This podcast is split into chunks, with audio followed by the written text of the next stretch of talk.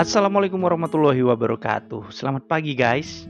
Jumpa lagi di podcast Telik Sandi Millennial Corner Station. Apa kabar lu semua? Semoga hari-hari kalian bahagia, semangat dan sehat selalu. Jangan lupa ya, tetap jaga protokol kesehatan.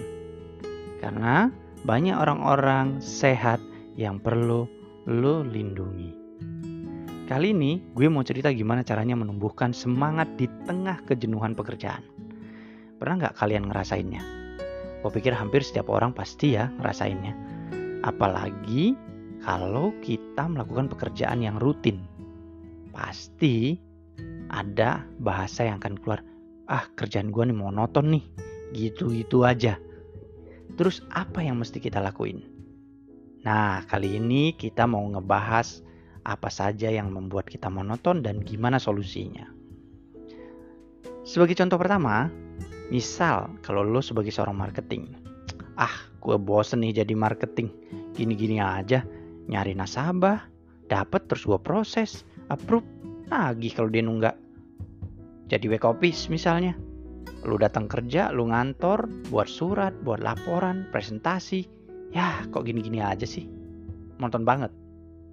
Nah, gimana cara nanganinya? Pengalaman gue, beberapa hal yang menyebabkan pekerjaan lo menjadi monoton, itu ini nih guys. Pertama, lingkungan kerja. Bicara lingkungan kerja, itu bukan hanya tempat lo kerja, tetapi orangnya. Orang itu siapa? Teman. Ada nggak rasa empati teman lo ketika ngelihat lo kerjaan lo overload? Kedua, kepedulian ngelihat kawan kita lagi susah, lagi sedih, lagi monoton, mungkin perlu kita tegur. Ada nggak? Kemudian keteladanan atasan lo. Atasannya seperti apa? Ngasih guidance, ngasih semangat ketika kita down? Atau justru dia hanya, ah terima beres doang. Kagak peduli. Terus penghargaan. Penghargaan itu merupakan suatu motivasi yang powerful. Tidak hanya berupa uang, tapi ucapan itu menjadi kritikal. Kenapa gue bilang gitu? Karena orang merasa dihargai itu bisa bekerja lebih dari apa yang diinginkan.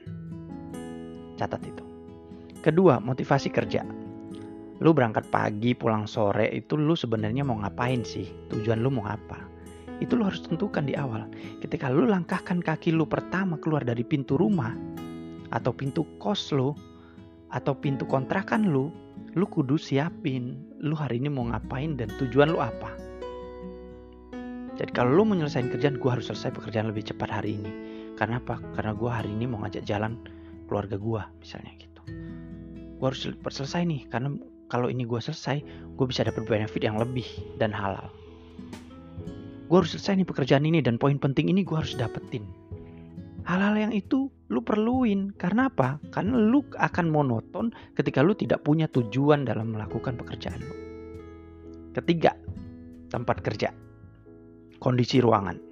Nah ini lu kudu sesuaiin. Meskipun kadang-kadang ini kalau kerja orang kantoran itu sudah given ya. Dari sana bentuknya begitu. Tapi kagak ada salahnya.